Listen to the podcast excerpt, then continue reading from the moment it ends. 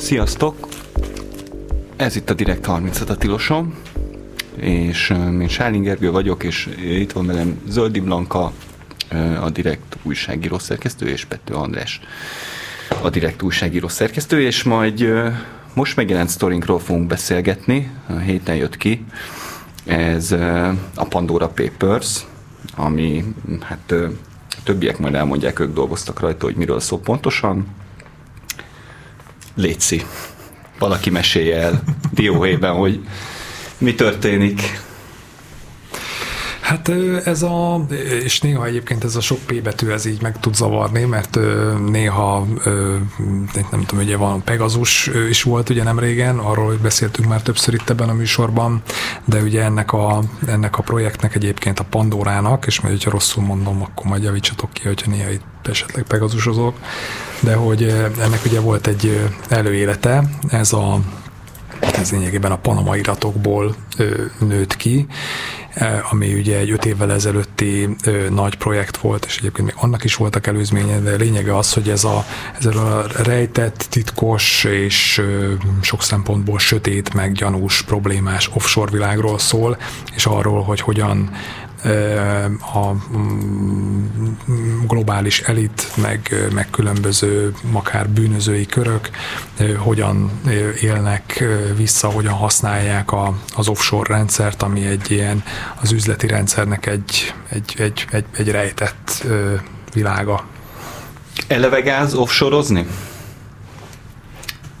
Blanka? Hát, hogyha azt kérdezed, hogy gáz-e, erre nincsen válaszom. Hogyha azt kérdezed, hogy illegális-e, akkor azt tudom mondani, hogy nem feltétlenül illegális. Mi a baj az offshore-ral, akkor nézzük úgy? Hát, na, így, így már jobban tudok válaszolni a kérdésre, hogy, hogy azért általában azok sok szoktak offshore-ozni, offshore területeken bejegyezni cégeket, akiknek hát hogy is mondjam, csábítóak azok az offshore feltételek, hogy kevesebb adót kell fizetni, vagy egyáltalán nem kell adót fizetni azon a területen, ahol be van jegyezve a cég. Bocs, kicsit menjünk bele a részletekbe. Szóval miért offshore? Hol vannak jellemzően ezek a helyek? Hát inkább úgy lehet mondani, hogy hol voltak, tehát ugye a maga az elnevezés az onnan jött, hogy ezeket régebben ilyen, ilyen, ilyen szigeteken, sziget, nem is igazán lehet országoknak mondani, mert egyébként ezeknek a nagy része valamilyen más országhoz vagy joghatósághoz tartozik, akár Nagy-Britanniához vagy, vagy máshova, és, és mm, tehát ugye a parttól ö, ö, ö, távoli, offshore ö, voltak, ezek a, voltak ezek a területek. Ezek ajánlottak, ajánlották olyan, ajánlottak olyan körülményeket, ami a lényege az volt, hogy lehet, hogy te nem itt laksz nálunk, lehet, hogy te nem itt üzletelsz nálunk, de hogyha idehozod a pénzedet, akkor majd mi vigyázunk rá, és akkor majd mi tudunk olyan feltételeket biztosítani, hogy a, a te pénzedhez más ne férjen hozzá, ne is tudja meg azt, hogy az a pénz itt van, és itt tudjad, tudjad fialtatni. Szóval eleve az azért jött létre, hogy pénzeket, vagyonokat, mm, hát mondjuk láthatatlan el lehessen tenni. Hát, igen, igen. Ki, ki találta ki? Hát ezt mm, egyébként érdekes módon a, a ugye angol száz háttéren indultak ezek, tehát valószínűleg, de most ilyen nem tudom, én történelem órát nem fogok itt tudni tartani, de hogy egyébként ugye a, a brit birodalom bankán keresni a, keresni a gyökereit valószínűleg ennek. Igen, jó. brit, brit mhm. birodalomnak egyébként is voltak olyan jó kapcsolatai különböző más szigetekkel is, úgyhogy ez pont, erről volt egy dokumentumfilm, amit te ajánlottál nekem, Gergő. Igen. Hiszem, a Igen, de most én kérdezek. Nem, sajnos nem emlékszem. Igen, de létezik egy dokumentumfilm, igen, a címre nem emlékszem, de erről szól, hogy valahogy a második világháború után Bank of England, igen. szóval ja, igen, a britekhez megy vissza. Na és akkor, no jó, hogy régen ezek az ilyen nem létező szigetországok voltak, de ugye ez mostanra sokat változott. Hol van most offshore? Hát um, Ugye szokták mondani, hogy mondjuk például az Egyesült Államokban bizonyos kisebb államok azok gyakorlatilag úgy működnek, mint ezek a klasszikus van, Virgin szigetek, ilyesmi. Igen, delaware mindig nagyon-nagyon gyakran szokták mondani, hogy, hogy tényleg klasszik, ugyanannyira nem lehet föltárni ott a tulajdonosokat, az egyes cégeknek a tulajdonosát, mint például a, a Brit Virgin szigeteken de, de egyébként attól függ, hogy, hogy milyen kritériumokat nézünk egyébként azzal kapcsolatban, hogy mi az offshore, mert egyébként pont a mai cikkünk, ami, ami egy folytatása igazából a, tegnapi sztorinak, arról szólt, hogy, hogy bizonyos szempontból egyébként Magyarország is már ilyen kvázi offshore területnek számít egy kis túlzással, azért, mert hogy olyan alacsony a, a társasági adó, ugye 9%-os az Európai Unióban a, a legalacsonyabb, alacsonyabb, hogy ide megéri egyébként hozni cégeket.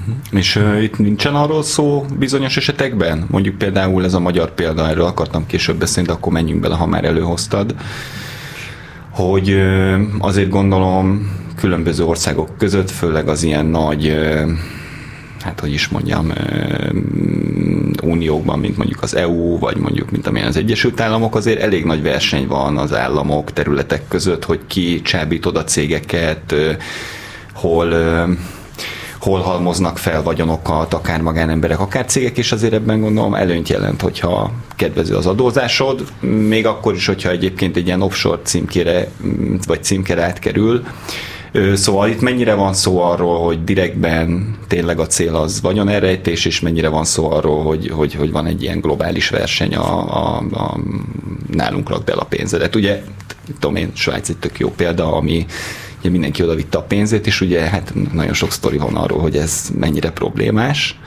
de közben meg ugye igazából csak egy ilyen, egy ilyen, egy ilyen ö, kedvező környezetet teremtenek ahhoz, hogy mindenki náluk kopogtasson. Szóval ö, mennyire az offshore lényege a pénz elrejtése, és mennyire az, hogy Hát, hogyha az offshore-ról beszélünk, akkor annak igen, annak az egyik legfontosabb eleme az az, hogy, hogy el tudod rejteni a, a pénzedet, a vagyonodat, meg, a, meg a, azt, hogy milyen üzleteket, üzleteket csinálsz. Ugye egyébként Magyarország ilyen szempontból egy ilyen, egy ilyen nagyon felemás ö, példa, tehát ö, ö, ugye Magyarországon annyi történt, meg történik, hogy mondjuk a, az adózási szabályok, ahogy az egyik forrás, aki megszólal ebben a cikkben, azt mondta, hogy adózásilag el van engedve Magyarország, és ezzel arra utalt, hogy Magyarországon lehet olyan adókonstrukciókat létrehozni külföldi cégeknek, hogy, hogy bizonyos tevékenységek után lényegében semmilyen adót ne fizessenek, vagy, vagy nagyon, nagyon keveset és egyébként, ahogy én kérdezgettem erről adótanácsadókat, meg pénzügyi szakembereket, ők egyébként azért azt mondták, hogy ez ez egy létező jelenség, hogy Magyarországot most már így könyvelik el, hogy egy ilyen kvázi adóparadicsom, de de azért nem arról van szó, hogy egyrészt nem arról van szó, hogy offshore terület lenne, mert közben egyébként meg az átláthatósági szabályok azok egyébként jóval korrektebbek, tehát ezt mi magunk is tudjuk, hogy újságírók el tudunk menni a cégbíróságra, meg tudjuk nézni a cég nyilvántartásba, elég könnyen ki tudjuk deríteni, hogy, hogy ki a tulajdonosa egy cégnek. Ezt mondjuk egy British Virgin Island, Brit Virgin szigeteki cégnél ezt nem fogjuk tudni megtenni, meg a, egy Delaware-i, meg egy dél-dakotai, vagy nem tudom, is sorolhatnánk még. A cégeknek a működtetésére is ö, ö, elég, elég komoly szabályok vannak, tehát mint mondjuk ö, ilyen offshore cégek, offshore területeken, Kajmán-szigetek, stb. Ö, ott mondjuk meg lehet, vannak olyan épületek, ahol mondjuk ö, nem tudom, öt emelet az egész, és be van jegyezve százezer cég, vagy most nem mondtam egy számot, de szóval, hogy ilyen szinte Magyarországon ilyen. Hát néhány példát van, van egy-két, nem, nem ilyen, van egy-két, igen, van egy-két olyan, igen, vannak, vannak ilyenek, meg vannak ilyen falvak, ez egy külön történet, ahol mondjuk ilyen kvázi ilyen kis offshore szigetként működnek, de hogy amúgy, amúgy azért jóval szigorúbbak itt a bankok, szigorúbbak az adóhatóságok, stb. A, de visszatérve hogy az eredeti kérdésre, hogy ugye ez mennyire szól a, mennyire szól a versenyről, tehát igen, a, nekem, nekünk is, amikor ugye beszéltünk erről a, erről a témáról, hogy Magyarország mennyire, mennyire adóparadicsom, és hogy ezek a, ezek a szabályok, amik nagyjából egyébként az elmúlt tíz évben hozott meg a, ugye a jelenlegi kormány, ugye ez így feltette, vagy újra feltette Magyarországot a, az adótervezési térképre, hogy ezek azért nem feltétlenül azt a cél szolgálják, garantálták, hogy Magyarország ilyen kvázi ilyen, igen, ilyen kvázi offshore legyen, vagy kvázi adóparadicsom legyen, hanem a szabályok ö, egyrészt a, igen, szóltak a, a német autógyáraknak, ezeknek az ilyen szolgáltató, ilyen SSC, ilyen share service centereknek, amik ugye jöttek ide, a, megszóltak egyébként annak is, hogy a, az Orbán kormány hozott egy olyan elég tudatos döntés, hogy látta, hogy SZIA-ból, meg társasági adóból nehéz pénzt beszedni, mert az emberek trükköznek, meg nem akarják befizetni, és azokat szépen levitték, és akkor ugye az egekbe vitték az áfát, mert hogy abból viszont meg be lehet hozni pénzt, bár ugye azzal is csalnak. De hogy ez egy ilyen, ez egy ilyen tudatos döntés volt a, a, a részükről, és ennek egy ilyen kvázi mellékterméke az, hogy, hogy közben meg Magyarországnak olyan híre lett így az offshore világban, meg a pénzügyi világban, hogy így na ez egy jó hely arra, hogy külföldi cégek ide jöjjenek és adót tervezzenek. Azért szerintem itt tényleg, a, amikor egy offshore-ról beszélünk, akkor egy csomószor olyan szinonímaként szoktuk használni egyébként azt, hogy adóparadicsom, meg offshore terület, tehát valójában itt ugye két elemről van mindig szó, tehát hogy egyrészt adótervezés, adóoptimalizálás, adó nem fizetés, illetve a, a titkosság. Uh-huh. Tehát nem tudom, hogy egy brit Virgin szigeteken mind a kettő elem megvan, Magyarországon meg ugye az egyik az adótervezésnek uh-huh. a mhm. lehetősége. Én, ezt úgy magamban így szoktam egyébként befordítani. Jó, térjünk egy kicsit vissza a most kiszivárgott infokra. Kik a legnagyobb halak a mostani merítésben? Kik, kikről Magyar, derült ki? Magyarországon vagy nemzetközileg. Is, is. is mert az az igazság, hogy mindig, amikor elkezdtünk uh, keresgélni ilyen óriási nagy adatkiszivárgásokban, hát most ez, ahogy András említette, ez az eddig volt a legnagyobb adatszivárgás ilyen uh, offshore szolgáltató cégektől 12 millió fájl, Szóval mindig a legnagyobb halakkal kezdi az ember ugye beírni a keresőbe az első vonalbeli politikusokat, meg, meg gazdasági embereket, mert nemzetközi szinten van egy csomó, nem is tudom, hogy hány összeszámolta a projekt, száz, akármennyi, már nem emlékszem tényleg, ö, országvezető, Jordán király, cseh miniszterelnök, Tony Blairnek az érdekeltségét, tehát akiknek így a, a neve, neve jól. Magyarországon hát úgymond nem első vonalbeli politikusok vannak, viszont a Uh, hát azt kellett, most nem tudom, mit mondjak, másod, másodvonalbeliek. Uh, hát inkább így a gazdasági, gazdasági háttér így van, tehát emberek, a... vagy a gazdasági birodalom, kormány közeli gazdasági birodalomnak meghatározó figurái azért ott feltűnnek. Így van. A, a nemzetköziben van-e olyan, ha jól emlékszem, a Panamában volt ugye egyrészt a végül is belebukott az izlandi miniszterelnök, ami... Pakisztánban is. Igen, az később, ő is belebukott. Meg mint hogyha abban lett volna ugye a Putyinnak az ilyen Hát a sameszait is ott Putyin, vissza lehetett is igen. visszatérnek a Pandorában igen, ott a cseh listája volt a Putyinnak a, ö, most, meg a, most meg az ilyen imázsépítője ö, tűn, tűnik fel uh-huh. a, a mostani, mostani iratokban. Ö, igen, ugye hát a, talán ami legközelebb van a, a, a mostaniban, ugye nekünk is, hozzánk is, az ugye az Andrei Babis, a cseh miniszterelnök, akiről ugye az derült ki, hogy nem tudom, hogy telefon. Uh-huh. Telefon. Fölvesszük. Igen? Sziasztok, vagyok a kamionos. Hello. Egy kérdést engedjetek meg nekem.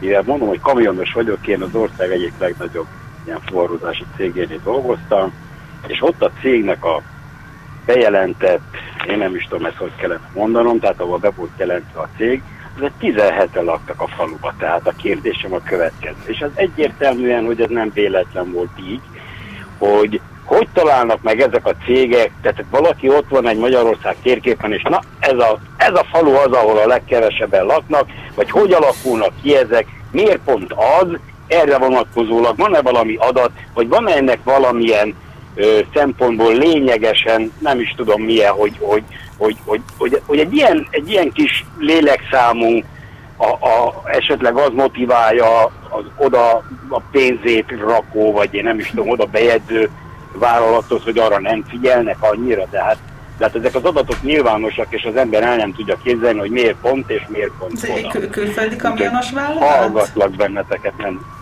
Köszönöm. Azt hiszem azt mondta, igen, hogy egy, Köszönjük. nagy- egy nagy cég. Hát nagy valószínűséggel a, nem, ugye nem tudjuk, hogy pontosan melyik ö, ö, település volt, meg most itt, most itt ö, ugye nem is fogunk tudni közvetlenül utána nézni, hogy ott mi a helyzet, de ö, ugye nagy valószínűséggel én mondjuk arra tippelek, hogy ott az iparőzési adónál kell keresni az okát annak, hogy mondjuk ez a nagy cég is oda ment. Ugye Magyarországon ugye úgy néz ki, hogy ugye van, van ugye a társasági adó, ami, ami, ami tényleg nagyon alacsony, ugye európai szinten kifejezetten, de egyébként világszinten is ö, alacsony, viszont ugye a, a cégeknek van ugye a másik a, a helyi iparüzési adó, amit ugye a helyi önkormányzatoknak fizetnek. És az ugye, jól tudom, azt hiszem, az két százalék, csak az, az, az egyébként így, így, így összességében lehet jóval nagyobb is, hogyha azt rendesen beszedik, akkor az, az arányaiban lehet akár nagyobb is, mint a 9%-os társasági adó. Nem tudom, ez ilyen bonyolult, de hogy ilyen, ilyen ott nem, nem a társasági adó, ez ugye nyerességre van, a, az iparozési az pedig árrésre, és akkor ennek van egy ilyen ö, ö, számítási módja. Na de hogy ez egy, egy, ez egy ilyen régi rendszerváltás utáni ö, mm, kezdemény, ami, ami ugye megmaradt, és ezt a, az iparozési adót, ezt ö, ugye legtöbb önkormányzat beszedi valamilyen formában, viszont vannak olyanok, amelyek úgy döntöttek, hogy ők nem szednek iparőzési adót, és ezért van mondjuk néhány olyan település, amiről mondjuk talán az utóbbi években legtöbbet cikkeztek, az mondjuk Csomád, ugye nincs is messze Budapesttől, és akkor ott mondjuk, na ott például előfordul az, hogy ott van mondjuk egy ház, és akkor oda be, van jelentve, jelentve több tucat cég, de erre mondják azt ugye az ilyen adótanácsadó szakértők, hogy, hogy azért komoly cégek, főleg amelyek mondjuk ténylegesen jelen vannak Magyarországon, Magyarországon tevékenységet végeznek, azok azért nem vállalják ezt be, mert ugye azért, a, ha, ha mindent szabályosan csinál egy cég, és neki alkalmazottjai vannak, meg, meg, meg, meg, meg tényleg itt dolgozik Magyarországon, akkor ő neki ott való, valóban a székhelyén kell végezni azt a ö, tevékenységet, ö, tehát nem teheti meg azt, hogy csak egy, egy postafiakot, vagy egy posta, postaládát ö, rak oda. De mondjuk ö, igen, nagyobb nemzetközi cégek, ugye régen voltak ilyenek, az a klasszikus, nem tudom, fúrótorony cégek, amik pont ilyen adótervezési célból idejöttek Magyarországra, és akkor nem tudom, Zala megyei, meg ilyen olyan kisebb, kisebb falvakban ö, mm, hoztak létre ö, székhelyeket, meg cég, ö, fióktelepeket, meg ilyesmit, és igazából soha nem járt ott senki attól a, a, onnan a fúrótornyos cégtől, csak ö, valahogy átfolyatták a pénzt.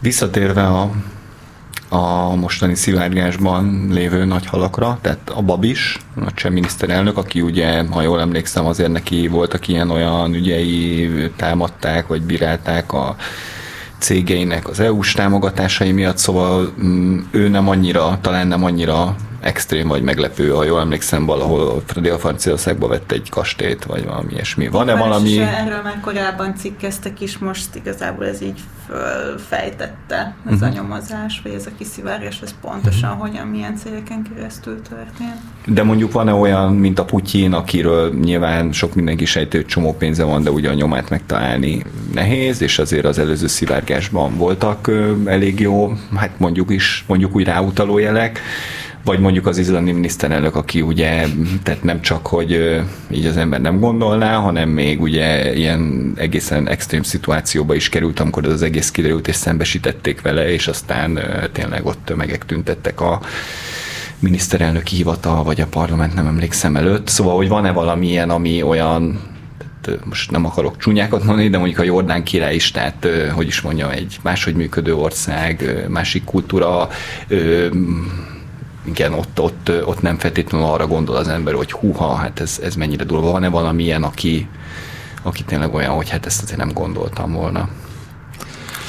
Hát a, mondjuk szerintem az egyik legjobb, ha már Putyinról szó volt, bár ugye azért róla most már elég sok mindent hallottunk, meg tudunk, meg ez is valószínűleg nem olyan ö, viszonyatosan meglepő, de hogy a, ami azért elég, elég közel van hozzá, hogy ugye a Putyinnak elvileg híradások szerint ő neki ugye volt, van egy szeretője, akitől van is egy gyereke, és, és ez, a, ez a nő kapott tehát az állítólagos szerető a, egyébként a gyermek. Ez a volt tornász? Hú, ezt most nem tudom pontosan, uh-huh. és, a, és a nevet se fogom tudni most itt elmondani, de elő, elő, tudom, elő tudom keresni.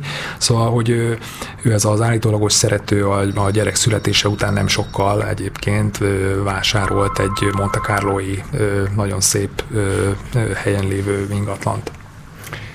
Na, még egy telefon. Hello! Mellé. Oké, okay, és kik a magyarok? A magyaroknál um, egyrészt megtaláltuk Kertész Balást. Aki kicsoda? Um, aki hát olyan 2016 környékén ö, ismerte meg a szélesebb nyilvánosság a, a nevét, amikor az Index közölt róla ö, egy részletes portrét, ö, Rogán Antal sötét oldala vagy valamilyen, na ez, ez, a, ez a szó volt benne a hmm. címében. Egyébként, egyébként ügyvéd végzettségű Kertész Balázs korábban a belvárosban, Budapest belváros 5. kerületben működött Rogán Antal mellett, illetve azóta is hát rengeteg-rengeteg üzletben vettek közösen részt. Egyébként ő konkrétan fideszes politikus ő volt, fideszes tehát politikus ő, ugye volt, be, együtt, együtt nyomultak ugye a, a Fidelitásban, meg a körül meg egyébként ugye egy önkormányzati képviselő is volt a belvárosban, tehát ő már nem aktív politikus, de politikus, politikus volt. És, Illetve az igen. állami kötődéséről uh-huh. is írtunk a ezt mondanám. Igen, a, benne van a szénhidrog, ilyen, ilyen fura nevű szénhidrogén készletező szövetség, és akkor annak ugye vannak ilyen cégei, és akkor ezekben fordult meg, illetve van benne most is ugye igazgatósági tag. Ez egy ilyen, ez egy állami a kormány, kormány delegálta oda Kertész Balást, ez egy, ez egy állami szervezet, és egyébként hát fontos szerepet tölt be, mert a, ilyen, a szénhidrogén készletezéssel, tehát ugye földgáz meg kőolaj készletezés tárolás, tárolásáról gondoskodik ez a szervezet. Ő egyébként egészen érdekes volt, ahogy, ahogy előkerült olyan, olyan szép párhuzam az élettől, vagy nem is tudom, amikor 2016-ban pont a Panama iratoknak a, a kiszivárgása után ez ugye világszerte nagy botrányt kavart, Magyarországon és a parlamentben külön parlamenti vita napot tartottak erről, ez, hogy jól emlékszem, május, május végén volt, és, és azon a parlamenti vitanapon az ellenzék és a kormánypárt is hát gyakorlatilag sok-sok órán keresztül egymásra mutogattak, azzal kapcsolatban, hogy az offshore az nagyon rossz, és csak a másik oldalt érinti, tehát így sorba sorolták fel az egyik másik oldalnak a, a kétes ügyeit. Igen, mert ugye az előzőben előjöttek ellenzéki így van, politikusok így van, is. Így van.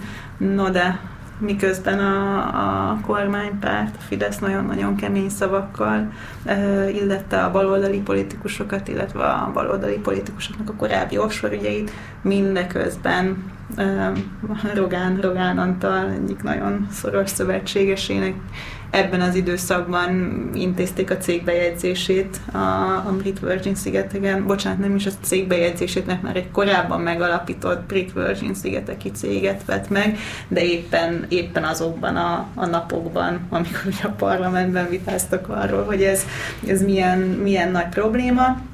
És egyébként ezzel a céggel kapcsolatban viszonylag viszonylag kevés információ érhető el a, a tevékenységről, hát az, az látszik, hogy, hogy ezekben a, a napokban volt, hogy postázták konkrétan a, a számlákat Kertész Balázsnak a, az irodájába a cégvásárlással kapcsolatban. Vegyük fel a telefont. Hello! Sziasztok, a Golyos vagyok. Hello. Csak azt akartam még érdekességnek említeni, hogy tudtátok-e, hogy például Arafatnak 200 millió dolláros vagyona volt, és az egyik vagyoneleme egy Brooklynban lévő bowlingpálya is.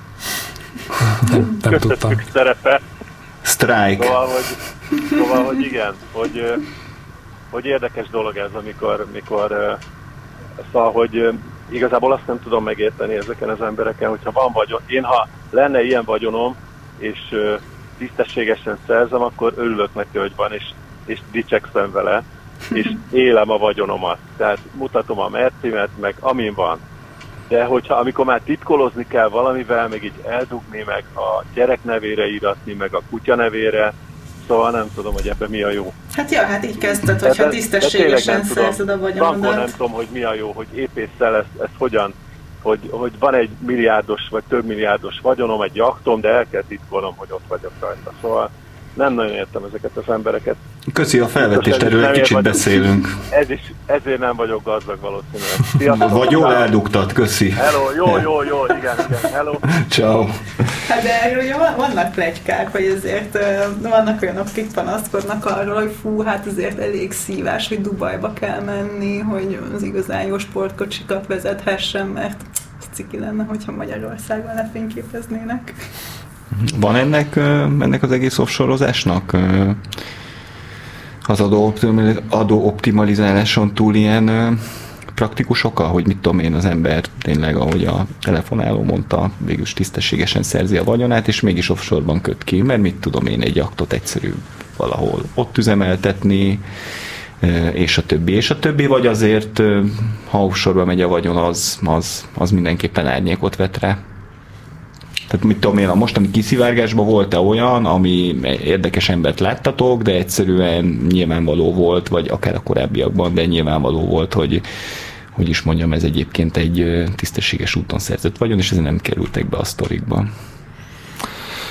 Hát ugye máshogy közelítettük meg, inkább ugye eleve, eleve az volt, hogy csak azoknak néztünk utána komolyabban, akik mondjuk valamilyen szinten közéleti szereplők, nyilván, hogyha valamiféle politikai kötődésük van, akkor meg még inkább, még inkább érdekes, de mondjuk egyébként volt olyan, amikor mondjuk bekerült cikkek, ez mondjuk a Panama iratoknál volt, de, de egyébként mi is egyértelművé tettük, hogy nem, tehát nem arról van szó, hogy itt valami nagyon gázos dolog történne, tehát ugye a, volt egy cikk még a Panama iratokban, ahol ahol, ahol az ország több nagyon fontos üzletembere, gazdasági szereplője, meg pont egyébként ugye Csányi Sándor volt ott, hogy mondjuk egy, egy, egy, egy jacht, már nem is tudom, hogy pontosan hogy volt a konstrukció, de egyébként igen, az volt, hogy volt egy hajó, amit azon keresztül nem is a, nem is a hajót tulajdonolták, hanem nem azt hiszem, hogy a hajónak a legénysége volt valahogy úgy, úgy kezelve, és akkor egyébként ezt ugye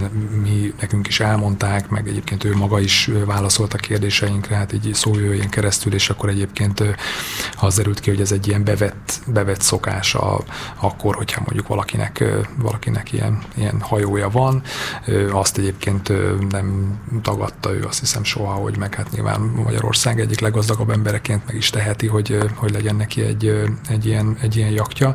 Igen, szóval klasszikusan Máltán szoktak nagyon-nagyon sokan máltai cégeket alapítani jakt igen, igen. Ja, azt hiszem, hogy egyébként maga a cég, az, mert mondom, itt az kifejezetten valahogy a legénységre volt, uh-huh. ez ugye már több évvel ezelőtti történet, a részlet, részletekre nem emlékszem, de hogy Szóval, hogy a, a pont ugye, ami visszatérve arra, hogy Magyarországnak miért ment így híre, hogy ez mondjuk egy ilyen jó hely arra, hogy az ember trükközön a, vagy pénzével, vagy mondjuk adót tervezzen, az ugye, ami, ami így vonzerő volt, vagy amit legalábbis próbálták így eladni, magyar ügyvéd, vagy, vagy más ilyen pénzügyi szakemberek Magyarországot, az pont az volt, hogy, hogy nincsen rajta ez az offshore bélyeg, mert hogy Magyarország még csak nem is úgy van elkönyvelve, mint ugye itt Európa, Európában mondjuk Ciprus vagy Málta, aminek már úgy kezdett ilyen rossz híre lenni, tehát hogyha nem tudom, hú, ciprusi cég valahol feltűnt, akkor az már ugye hú, már olyan, már olyan problémás, az már ilyen kvázi offshore. A hollandok is elég jók ebben, nem? Igen. Így van, egyébként a hollandok, de ugye írek is. Íre, írek, igen, ja, igen. Az ilyen, igen, ilyen adó, adótervezési dolgokban. Szóval ja, nem, nem arról van szó, hogy ha megnézzük ezt a listát, van egy lista, amit idézünk a cikkben, erről a, ebben a mai cikkben, ami a, kifejezetten így a magyar adó környezetről szól, és akkor ott van egy, idézünk egy listát arról, hogy Magyarország a 24. helyen áll egy olyan listán, amelyet egy ilyen adóelkerülésért, adóelkerülés ellen küzdő szervezet rakott össze, hogy mondjuk mennyire segítik a különböző államok a nemzetközi cégeket az adójuk elkerülésében és akkor itt a Magyarország a 24 ami egy ilyen, ilyen szempontból viszonylag előkelő hely, de egyébként, hogyha megnézzük, akkor látszik, hogy vannak ott más ö, európai országok, ö, a Nagy-Britannia, ö, ugye Málta, Ciprus, ezek is biztos, hogy, biztos, hogy megelőzik Hollandia. Szóval, hogy nem arról van szó egyébként, hogy Magyarország olyan teljesen kilóg ebből a, ebből a sorból. Uh-huh. És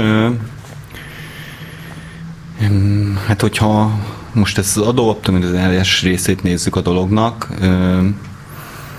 miért gáz az, hogy az ember olyan helyet keres, ahol a lehető legkevesebb adót kell befizetni az egyébként tisztességesen megszerzett jövedelme után, milyen, milyen negatív hatásai vannak ennek?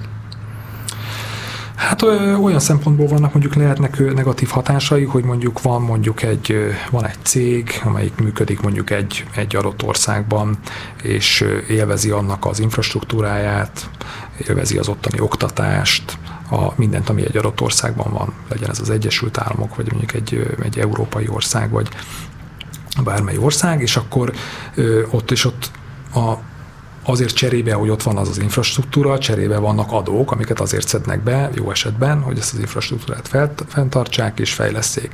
Na most ehhez képest, hogyha ez a cég azt csinálja, hogy egyrészt learatja a gyümölcsét annak az adott országnak, de közben meg a megtermelt pénzből nem adózik le rendesen, hanem különböző, nem tudom, ír szendvicseken, meg holland, nem tudom, miken keresztül így hívják, a különböző vannak ilyen adó, adó ö, ö, konstrukciók.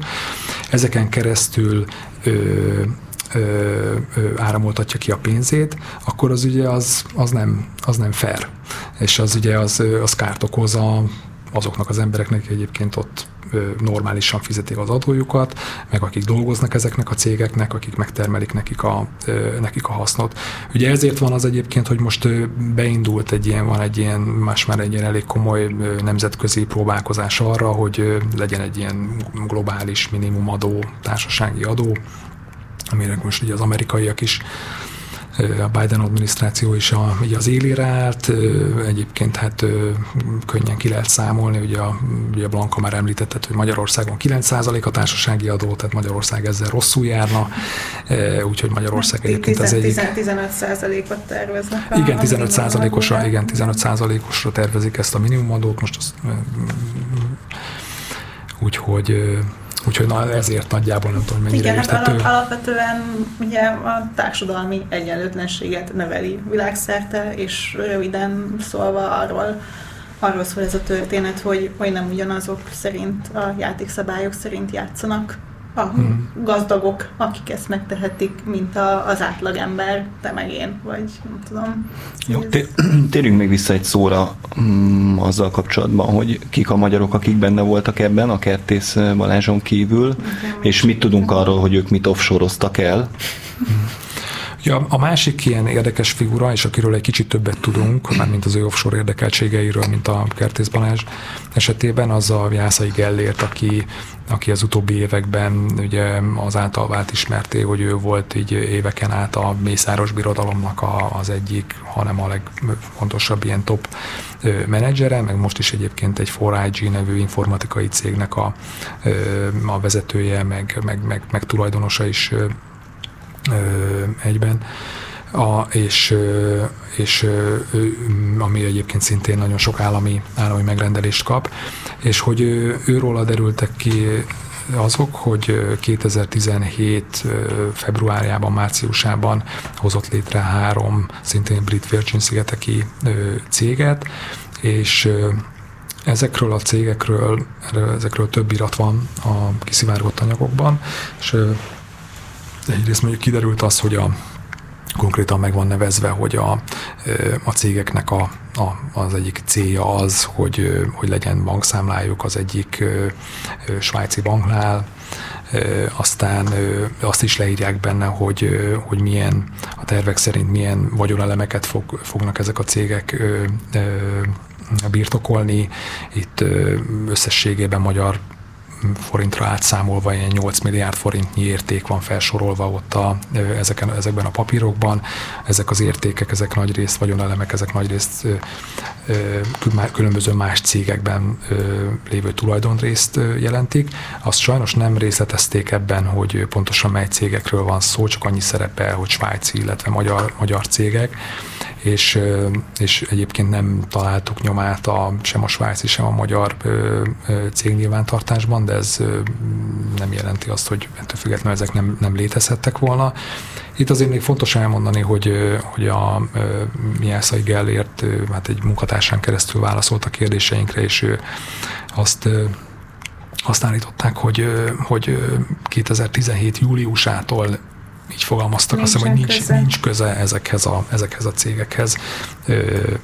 Jászai Gellértnek. Igen, és azt is, és azt is megírták, hogy, hogy a három cég közül csak az egyiknek volt svájci bankszámlája. Igen. Ugye azok az iratok, amiket mi láttunk, azok konkrétan ilyen hát bemutatkozó iratok hmm. voltak, amikor első körben bemutatkoztak a, annak a, az offshore szolgáltató cégnek, egy Trident Trust nevű cégnek, aki intézte ezeknek a, Big Virgin szigeteknek szigeteki cégeknek az ügyeit, és akkor a terveket írták le igazából, hogy te- tervezik, vagy hogy, hogy igen, az, az a terv, hogy majd lesznek ilyen számlák, meg lesznek igen, ilyen ez magyar, kvázi egy ilyen kérdőívszerű szerű dolog, amit így ki kell tölteni ahhoz, hogy ahhoz, hogy egy ilyen céget, céget megalapítsanak, létre, létrehozzanak. Az más kérdés, hogy ez nem nagyon derül ki belőle, hogy ezt hogyan ellenőrzik, hogy ebből, ebből, ebből mi, mi igaz. Igen. E, igen, és egyébként tehát ez volt a, ez jött vissza válaszként, hogy 2017 júliusától júliusa óta nincs köze Jászai Gellértnek ezekhez a cégekhez. Sajnos, amikor visszakérdeztünk, hogy mondjuk miért csak néhány, miért szállt ki néhány hónap után, vagy egyetem mit is jelent az, hogy nincs, nincs köze ezekhez a cégekhez. Igen, mert mondjuk nyilván az is, az is érdekes. Ezekre, ezekre sajnos nem érkezett válasz, meg egyébként azt tudjuk, mert az megvan ilyen, ilyen Brit Virgin szigeteki hivatalos közlönyökből, hogy amúgy 2020 nyarán ezeket ezeket a cégeket megszüntették. Az mondjuk érdekes, hogy egyébként pont akkor, amikor volt egy ilyen mozgás ott a, a 4IG-nál, azok, abban az időben szüntek meg ezek a cégek, amikor Mészáros Lőrinc kiszállt abból a cégből, rákérdeztünk, hogy volt-e itt összefüggés, de ugye hát ők azt állítják, hogy akkor már hivatalosan a jászainak nem is volt, vagy nem hivatalosan nem, nem volt köze ezekhez a cégekhez. És nem, nem sokkal azután alapították egyébként a cégeket, hogy Mészáros Lőrinc kisebbségi rész, részvényeket vásárolt először uh-huh. a 4IG-ben, tehát itt azért van, uh-huh. van egy ilyen érdekes egybeesés, de Erről nem tudtunk meg többet a cégtől. Remélem, hogy minden hallgatónk föl tudta írni, offsorozni vágyó hallgatónk föl tudta írni a cégneveket. Mindjárt beszélünk egy kicsit arról, hogy mennyi esélye van annak, hogy ezt bármilyen módon ö, visszaszorítsuk. Picit hallgassunk zenét előtte. Ez itt a Direkt 36 és offshorozáshoz és adóoptimizáláshoz adunk tanácsokat a hallgatóinknak, úgyhogy tartsatok velük, most jön a gyors talpaló része. Mondtátok, hogy hát készül egy ilyen globális fellépés a, a, az offshore, illetve az adóoptimalizálás ellen, be akarják vezetni ezt a minimum társasági adót világszerte, és az Egyesült Államok ennek az érére állt.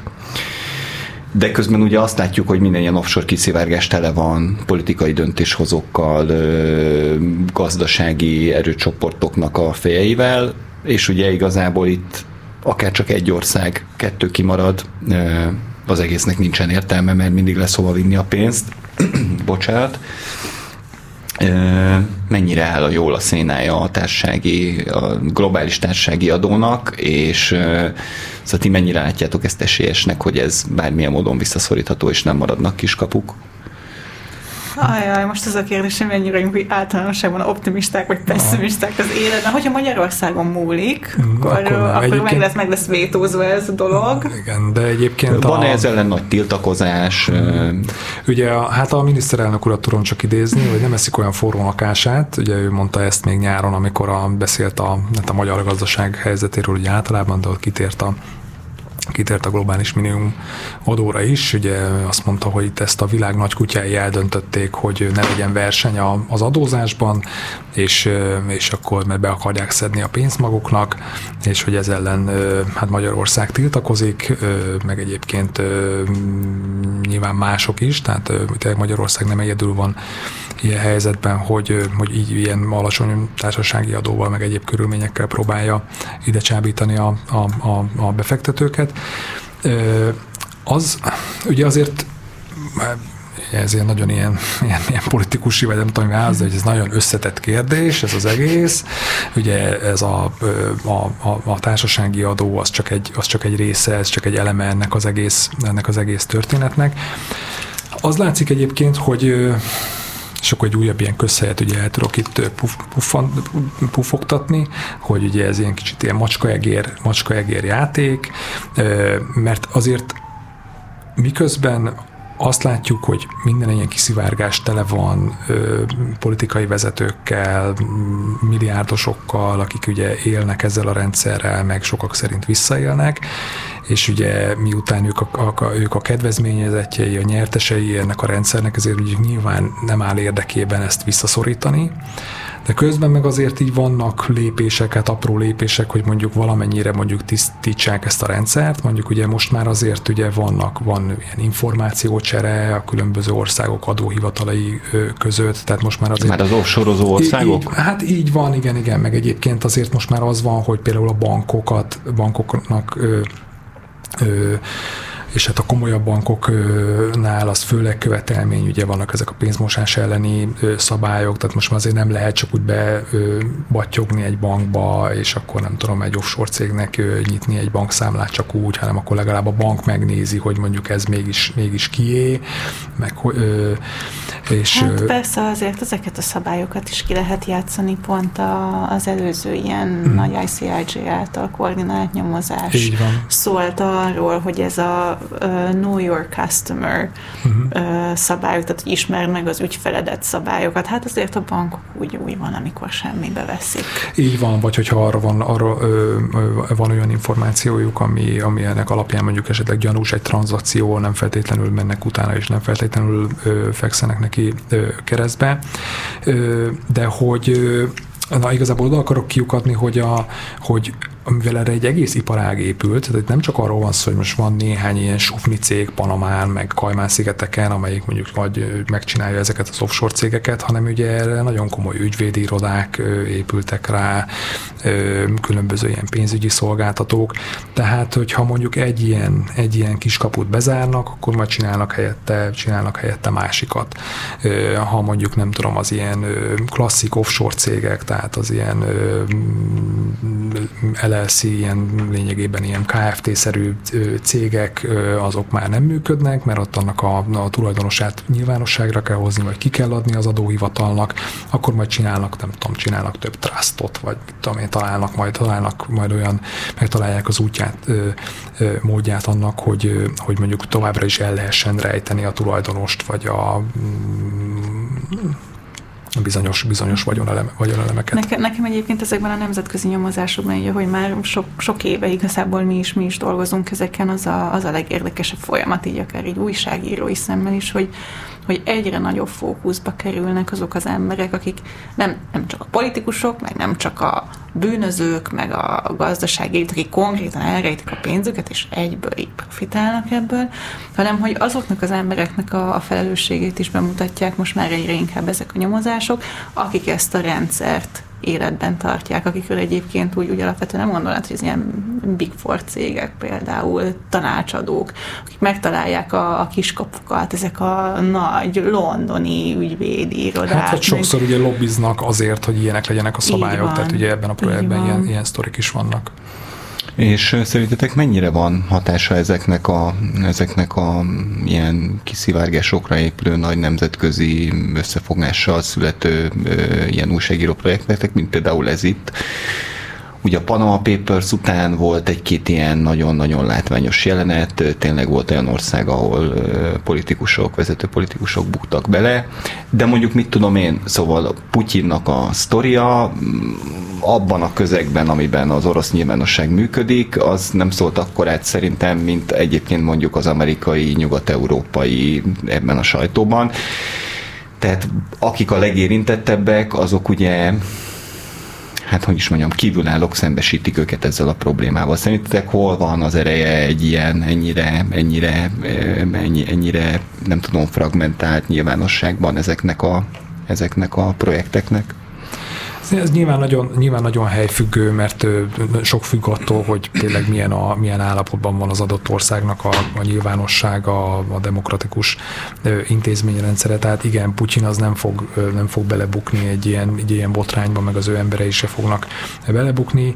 Nyilván egy Izlandon, amelyik más, más jellegű ország, ott, ott bele tudott bukni néhány napon belül az ottani miniszterelnök, de egyébként érdekes módon nem vagyok képben így a pakisztáni belpolitikával, de mondjuk Pakisztánban is bele tudott bukni egy, egy miniszterelnök, meg egyébként a mostani miniszterelnök is ugye nehéz helyzetbe került, mert ő meg ő, ő személyesen nem szerepel az iratokban, de, de több hoz, minisztere vagy politikai szövetségese, szövetségese viszont igen.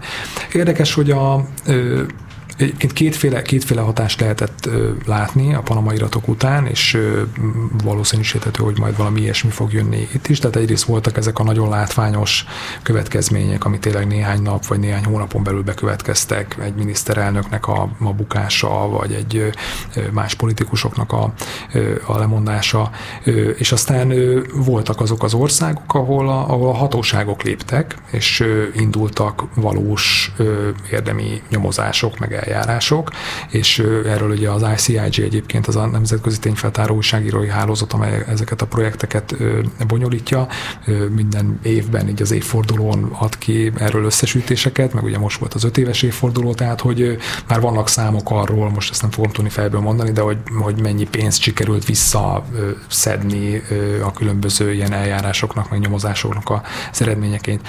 Érdekes, hogy Magyarországon Ugye az történt, hogy a panama iratoknál, hogy pedig, pedig olyan szempontból így politikailag teljesen kiegyensúlyozott volt a helyzet, hogy volt ugye egy, egy fideszes politikus, akkor már nem aktív, de egy fideszes, volt fideszes képviselő, aki még képviselő korában volt neki egy be nem jelentett offshore cége, ez volt egyrészt az ő ügye, másrészt meg volt egy, egy, egy korábban befolyásos MSZP-s politikus, meg hát ő is képviselő volt korábban a Boldvai Lászlónak a, a felesége került elő azokban az iratokban, aki Aki, ha jól emlékszem, tanár. Igen, középiskolai tanár, Salgó Tarjánban, és igen, igen, és amikor ugye hát egyrészt az iratokból is az derült ki, hogy valószínűleg kevés középiskolai tanárnak van svájci privátbanknál bankszámlája, és ott ilyen nagyon komoly összegek mentek át azon a, azon a bankszámlán. És ugye hát azt gondolhatta volna az ember, hogy ha más nem, akkor mondjuk legalább az ő ügyének, hogyha már így politikailag is a másik oldalon van, akkor legalább az ő ügyének így komolyabban utána mennek a magyar hatóságok, de egyébként az történt, hogy indított a NAV egy nyomozást, erről, erről értesültünk mi is, de aztán ezt azt hiszem, hogy ilyen néhány, két hónap után, vagy valahogy így megszüntették a, a, a nyomozást. Hát, hogy mit mondjak, tehát a, a mi saját saját ö, nyomozásunk, panamai iratok nyomozásunk hosszabb ideig tartott, ö, tehát mi, mi több energiát öltünk bele, ö, úgyhogy ez egy, ez egy érdekes tanulsága volt a, a magyar, magyar helyzetnek.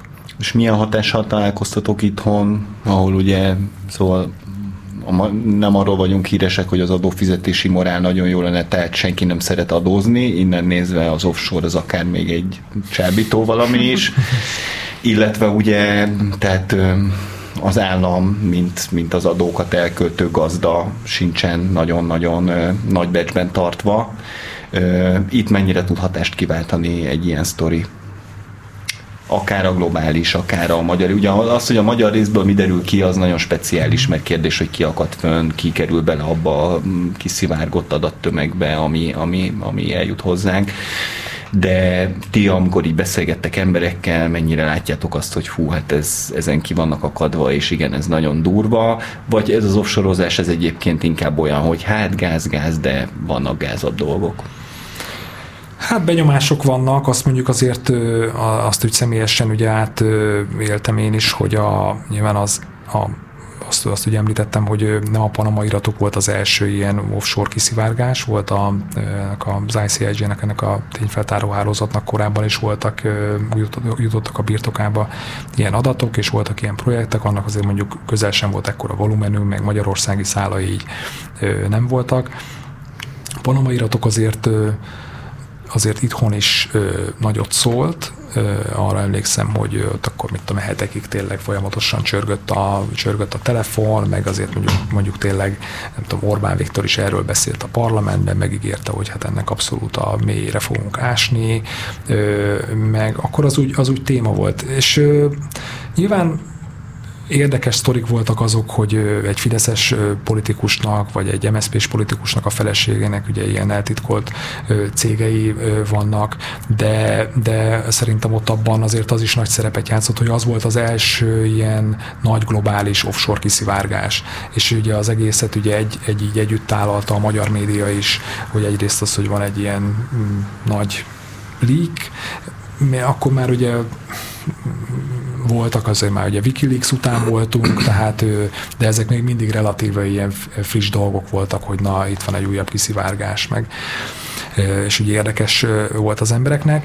Most már azért azt el kell azt érezni, hogy most, hogy ez már a többedik ilyen ö, leak, ilyen kiszivárgás, és mondjuk ö, offshore témában, ezért mondjuk a, valószínűleg ezt az újdonság varázsát, ezt mondjuk már elveszítette a dolog, tehát most már önmagában arra nem kapják fel a fejüket az emberek, hogy fú, hát ez nem tudom, ez nem is 11 millió fájl, hanem ez 11,9 11,9 millió ö, ö, fájl, ezzel már nyilván önmagában nem lehet eladni egy, egy, egy, egy történetet, tehát egy kicsit ugye így bele, belesimul a, a, a, a, a, a hírekbe, meg a, a a, a, a közéletbe, a közbeszédbe, de, de egyébként meg közben nagyon, nagyon azért nagyon helyfüggő. Most, most itt ülünk Magyarországon, tényleg volt egy-két ugye, érdekes figura feltűnt nekünk ezekben az iratokban, de, de nyilván nem egy olyan szintű ember, mint ugye Andrei Babis Csehországban. Most, hogyha valószínűleg Csehországban ülnénk, meg a cseh kollégákkal beszélnénk, akkor ott biztos, hogy óriási az érdeklődés, meg látjuk, hogy ott van a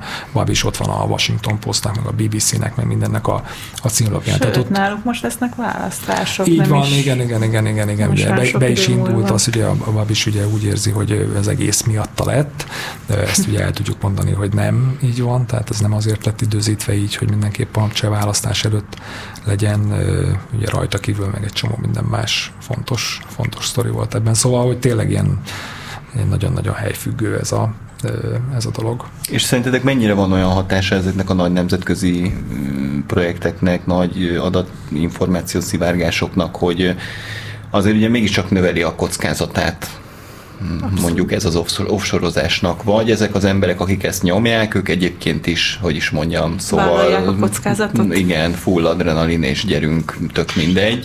Vagy van azért ilyen, hogy akkor azért az ember legalább a következő pár hónapban megnézi, hogy hova lép, kifinomultabban lép legközelebb. Mhm. Én, én ezzel ugy, ugyanúgy vagyok, mint úgy általában azzal a kérdéssel kapcsolatban, hogy van-e, van-e értelme korrupciós ügyekről írni, hogyha, hogyha nincsen olyan akár ilyen kézzelfogható hatása, és, és arra is ugyanazt szoktuk elmondani, hogy hát növeli a kockázatát.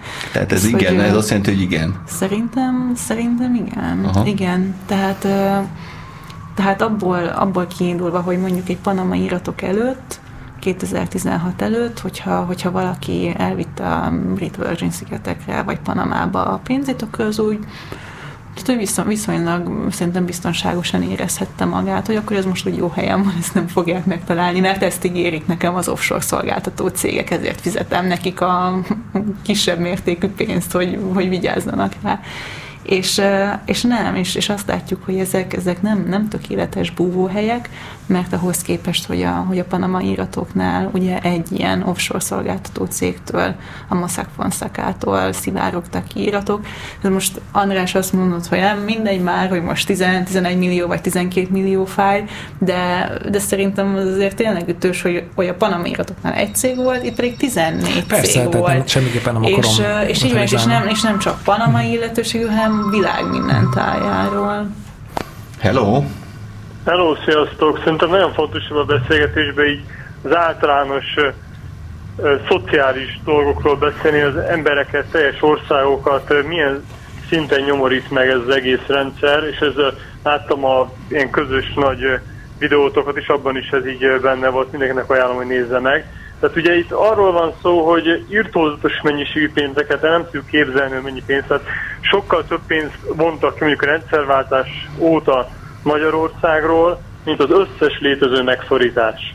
Tehát, hogy irgalmatlan mennyiségű pénzekről van itt szó, és például itt Magyarországon is persze mondják, hogy azért is ilyen kedvelt Magyarország, ezt is írjátok, mert hogy nem kell azt a menekülési adót befizetni. Tehát amikor, amikor mindenki úgymond egy válság során menekíti a pénzét, vagy próbálja az eszközét, kiszívni a ilyen-olyan piacokból a lóvét, akkor Magyarországról simán el, le tudnak lépni, mert nem kell adózni. Tehát nyilván, hogyha ha meg lehet tenni, és szükségük lesz pénzre, vagy optimalizálni akarnak portfólió szinten, akkor Magyarország lesz az első ilyen hely, ahol itt húzzák ki a pénzt. Tehát mindegy, szerintem ez a szociális részéről nagyon fontos beszélni, hogy ez tényleg milyen írtózatos lóvé, és hogy ez az embereknek a mindennapos életét hogyan teszi tönkre a bolygónk szintjén. Köszönjük szépen! Hello, Hello. Igen, ez abszolút igaz, ez abban a, abban a videóban, amit a, az ICHG rakott össze, és mi is beraktunk a cikkeinkbe, így feliratozva. Ö, ott van a, ö, egy ö, szakértő, aki beszél arról, hogy ö, igen, tehát hogyha ezt lefordítjuk, ezt a, ezt a problémát ö, az úgymond átlagember számára, akkor itt arról van szó, hogy ö, többek között emiatt nem jut pénz megfelelő oktatásra, megfelelő egészségügyre, ezért nem tud ugye manapság mondjuk már lényegében egyik, egyik nagyvárosban sem egy halandó ember normális ingatlant vásárolni magának, mert hogy egyébként ugye arról van szó, hogy pont ez, ez most egyébként ez egy érdekes dolog, hogy mondjuk Budapesten mennyire jelent ez problémát, de mondjuk mondjuk ugye Londonban vagy New Yorkban, tehát ugye ilyen offshore cégeken keresztül vásárolják fel a, a, az értékes ingatlanokat és persze ezzel verik is fel, a, verik is fel az árukat, tehát hogy ennek, igen, tehát ez egyáltalán nem egy ilyen, nem egy ilyen absztrakt dolog, hanem ez igenis kézzelfogható, csak persze nehéz ezt egyébként akár újságcikkekben is így ennyire, ennyire átadni, de még egyébként még az erőző kérdésedre visszatérve, hogy ugye mennyire növeli a kockázatát.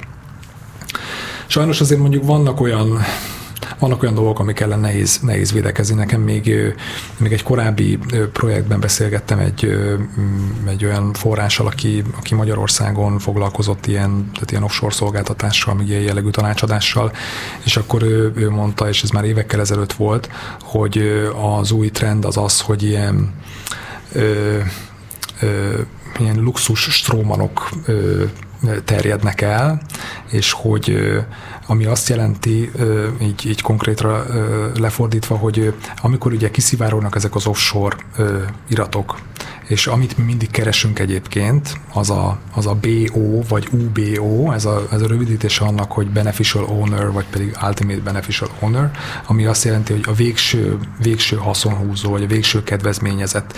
Tehát elvileg az, aki az iratban szerepel emellett, hogy, hogy Beneficial Owner, ő a a tulajdonosa, a végső tulajdonosa annak az adott cégnek, vagy bankszámlának, vagy bármilyen ilyen vagyonelemnek.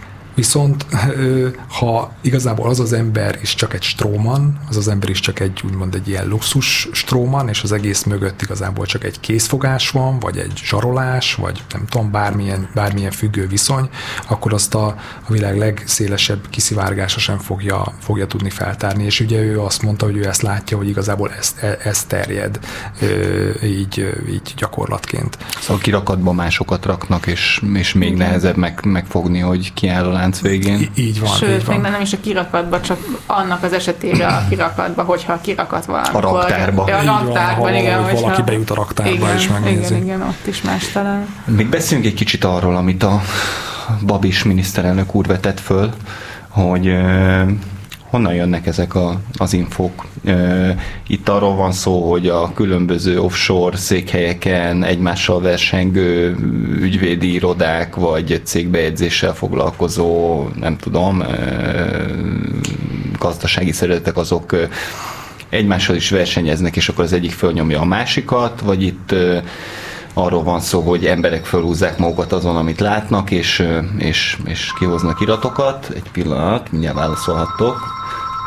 Hello!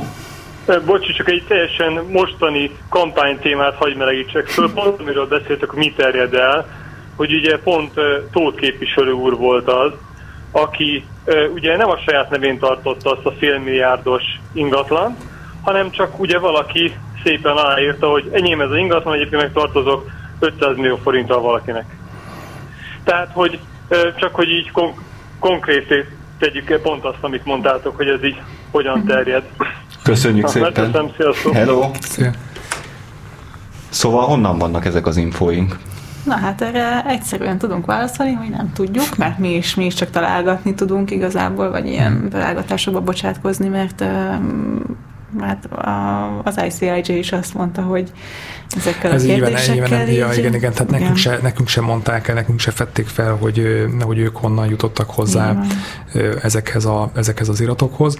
Ugye a, a, a korábbi, a Panama iratoknál ott ugye a, ott a, az Süddeutsche Zeitung, a német újságnak a két újságírója, Bastian és Frederik Obermeier szerezte meg ezeket az iratokat, azokat az iratokat.